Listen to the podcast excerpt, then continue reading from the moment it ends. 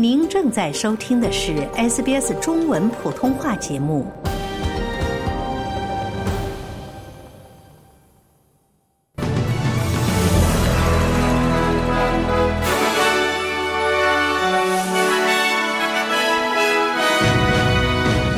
澳洲东部严重暴风雨已造成五人死亡。航空公司在节礼日推出低价机票促销。俄罗斯称其一艘军舰在乌克兰的袭击中受损。霍巴特帆船赛，安多科马奇领先。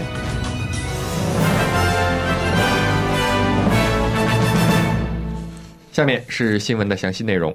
在昆士兰东南部的强烈崩暴风之后，至少有五人可能死亡，其中包括一名九岁的女孩。十二月二十七日星期二，在布里斯班的暴风雨水渠中失踪的女孩尸体，在警方广泛搜寻后被发现。在莫尔顿湾发生的一起划船事故中，可能又夺走了另外两个人的生命。在维多利亚地区，一名妇女在露营地遭遇山洪爆发后死亡。维多利亚州东部的一名男子和黄金海岸的一名女子，也在被倒下的树木砸中后死亡。气象局的安格斯·海因斯表示，这种恶劣的天气条件预计将持续到周三深夜。周三，从悉尼到墨尔本一带仍有可能出现强风暴，有几个地区需要注意，主要集中在维多利亚州和新南威尔士州的交界处。昆士兰州中北部和沿海地区可能会有进一步的雷暴天气。布里斯班有时可能会受到影响，但总的来说，到周三下午，我们开始看到这次雷暴爆发的结束，届时天气状况将略有缓解。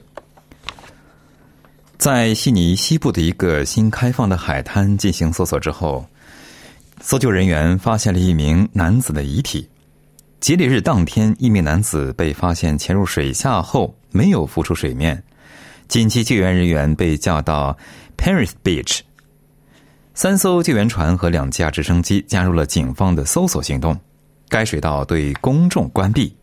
救援人员发现了一具遗体，据信是一名三十多岁的男子。随后将为验尸官准备一份报告。据悉，Parent Beach 的人造海滩一周前向公众开放。墨尔本一个新的照片展记录了在澳大利亚的希腊移民的故事。墨尔本的希腊博物馆展出了这场名为“取景器 Will Finder” 的展览，展示了四十年来的照片。这些照片由顶尖的纪录片和肖像摄影师艾菲亚历克萨基斯拍摄。他自1982年以来一直在记录希腊移民的故事。他说：“他想通过自己的作品超越刻板印象。”我们想要改变现有的刻板印象。每当主流媒体想要关注希腊人时，他们都会选择穿着民族服装的人，或者会选择一家咖啡店。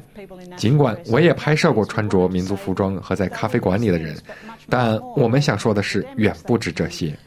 他们有学者融入了澳大利亚社会的方方面面，他们参与了一切，因此在展览、画廊和博物馆中认识的、看到的，都感觉非常重要。代表澳大利亚零售业的团体表示，节礼日销售将成为判断零售活动在二零二四年一月的强劲程度的指标。零售商协会表示，他们预测在十二月二十六日至一月十五日期间，销售将同比增长百分之一点六。在这段时间内，销售活动将达到二百三十九亿澳元。零售商协会的首席产业事务官弗勒布朗表示，生活成本的压力已经影响了消费支出。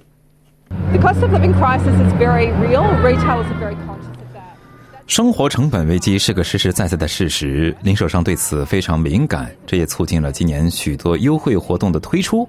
这的确影响了消费支出。我们发现近几个月来的整体消费有所减缓，不过我们很高兴看到，与去年相比，圣诞节和圣诞后的消费略有增加。当然，这个数字中包含着价格上升以及额外的供应链成本的升高，所以总体而言，这是一个不错的情况。澳大利亚多家主要航空公司正在推出节礼日的促销活动，国内航班价格低至三十四澳元，国际机票则低至一百四十五澳元。在此次大促活动中，三大航空公司捷星、维珍和澳洲航空公司的数千个航班价格大幅下降。捷星推出了圣诞节后四十八小时内的闪促闪购促销，对八十五个国内和国际航线进行了打折。维珍也在圣诞节当天推出了超过五十万张的机票促销，其中一些航班价格低至四十九澳元。澳洲航空公司则对所有几乎澳洲航线进行了降价促销，每家航空公司的促销活动结束日期都有所不同。捷星在十二月二十七日结束，澳洲航空公司在十二月二十八日结束，维珍则在十二月二十九日结束，除非是提前售罄。澳大利亚的超市的货架上已经摆放上了热十字面包。尽管距离复活节还有九十六天，全澳各地的 Coles 和 wolworth 商店就开始售卖这款复活节的传统烘焙食品。一些消费者表示，他们对商家这么早就售卖复活节面包感到惊讶。wolworth 的经理唐纳德基斯表示，圣诞后人们对复活节零食的需求很高。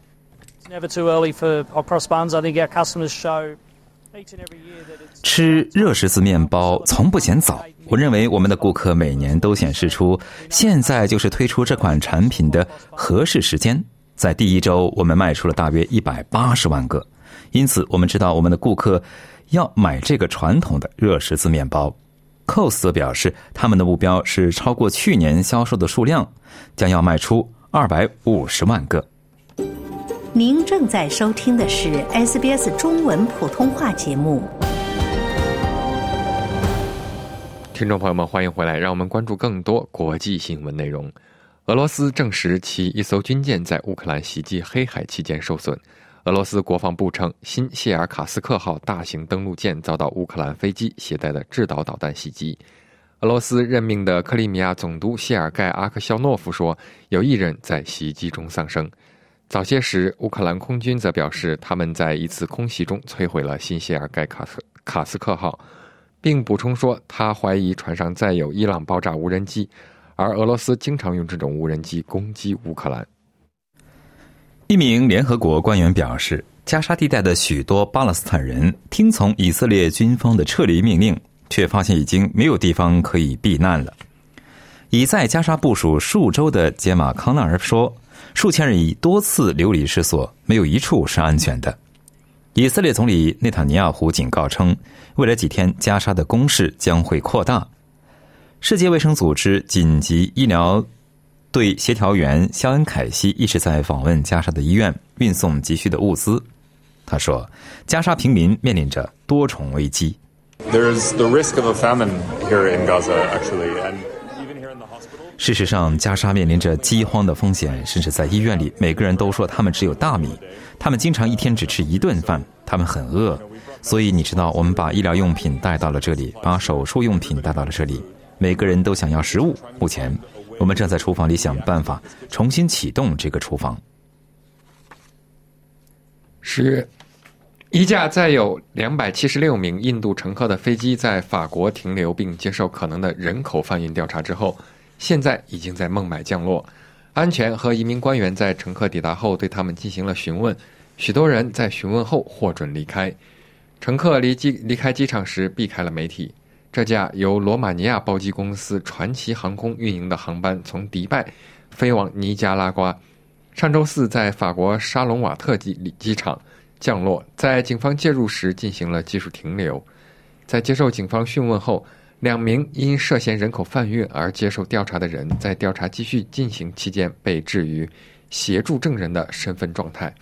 当局则表示，另有二十五人留在了法国寻求庇护，其中包括五名儿童。在土耳其的哈塔伊省，迎接新年的庆祝活动很低调。今年二月，袭击该国的致命地震的幸存者仍在哀悼遇难者和失踪者。二月六号，一场致命的七减。七点八级地震袭击了土耳其南部地区，造成数万人死亡，无数建筑物倒塌。卡塔伊当地居民尼莱西林现在仍然和孩子们睡在一个集装箱里，因为村里的许多食物在地震中受损。他说：“这是一段艰难的时期。” I see this new year as a time of mourning. 我认为今年的新年是一个哀悼的时刻。进入新年后不久，地震周年纪念日即将到来，我无法庆祝。我们有太多人已知和未知的损失，我们在安塔基亚遭受了如此多的损失，而在萨曼达格仍有一些失踪者尚未找到。当我们想到这一点时，我们不能把娱乐放在哀悼之上。气象局预测，悉尼至霍巴特帆船赛将会面临严峻的天气条件，包括降雨、强风和冰雹等。目前排在前几名的包括 Ando Comanche、Law Connect、Alive、URM Group 等赛船。关注澳大利亚元在国际货币市场上的汇率，一澳元可以兑换零点六八一美元，一点零八七新西兰元。同时，今天一澳元可以兑换四点八五八元人民币。五点三二二元港币和二十一点零九六的新台币，一起来了解一下全国各主要城市今天的天气情况。悉尼有阵雨，最高温度二十九度；墨尔本有阵雨，最高温度二十三度；布里斯班阵雨可能伴有大风，最高温度三十三度；堪培拉阵雨伴有大风，最高温度二十四度。阿德莱德多云转晴，最高温度二十六度；珀斯以晴为主，最高温度二十七度；达尔文阵雨可能伴有大风，最高温度三十四度；霍巴特有阵雨，最高温度二十四度。